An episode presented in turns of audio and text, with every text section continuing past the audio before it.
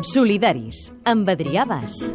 La matinada del 27 de setembre fa un any just de la desaparició de 43 estudiants de l'Escuela Rural Normal de Yotzinapa, a Mèxic.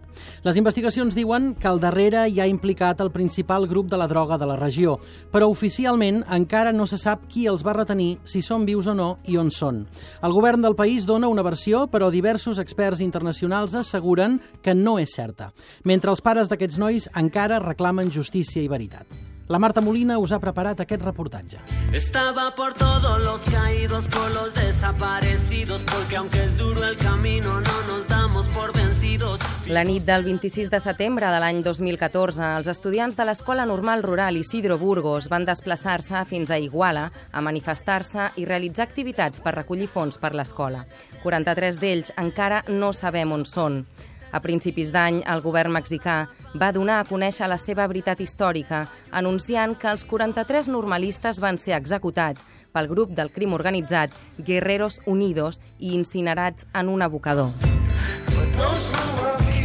Les víctimes, les mares i pares dels desapareguts i els seus companys estudiants no es creien cap de les versions del govern i no van parar fins que va intervenir la Comissió Interamericana de Drets Humans. Emilio Álvarez y Caza és secretari executiu de la Comissió Interamericana de Drets Humans amb seu a Washington.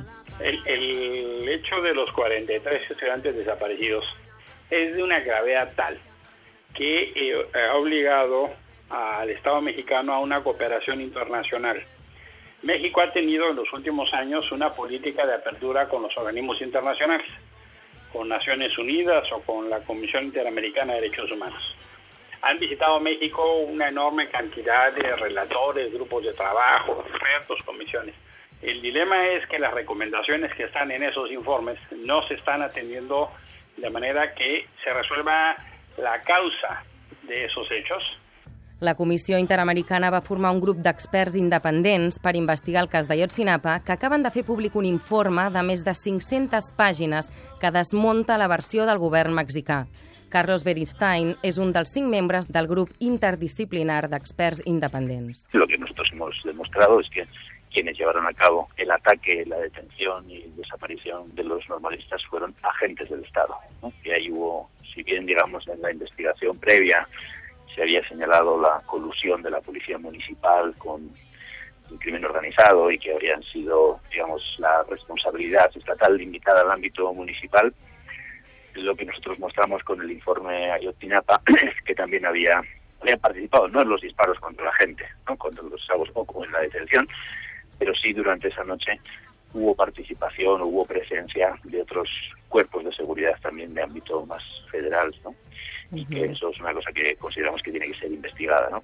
Ara fa poc, els familiars de les víctimes, els estudiants supervivents i el grup d'experts independents s'han reunit amb el president Enrique Peña Nieto i li han presentat vuit exigències. Una d'elles, crear una unitat especialitzada d'investigació amb supervisió internacional formada per dues instàncies, una que esbrini on són els desapareguts i l'altra que investigui el muntatge amb el que es va justificar la veritat històrica del govern mexicà. Mentrestant, els familiars de les víctimes ja fa un any que han canviat el rumb de les seves vides. Ara el centre de tot és que es faci justícia. Para quien trabaja con las víctimas es muy importante no considerarlas un objeto pasivo, ¿no?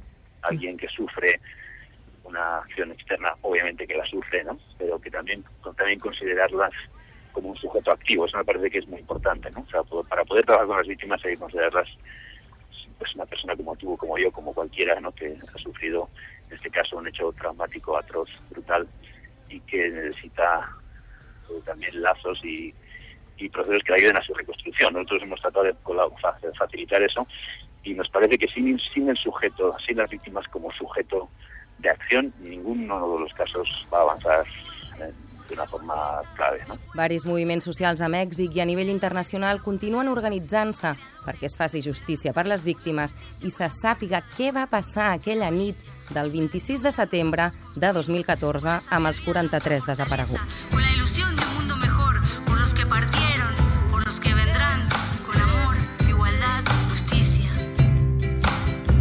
hasta ahora me estoy dando cuenta de muchas cosas, muchas cosas que el gobierno hace. Yo realmente estaba enfocada en mis hijos, en criar a mis hijos. Y yo desconocía todo este tipo de cosas. Y pues esta lucha mm, la vamos a seguir hasta que nos entreguen a nuestros hijos, hasta las últimas consecuencias.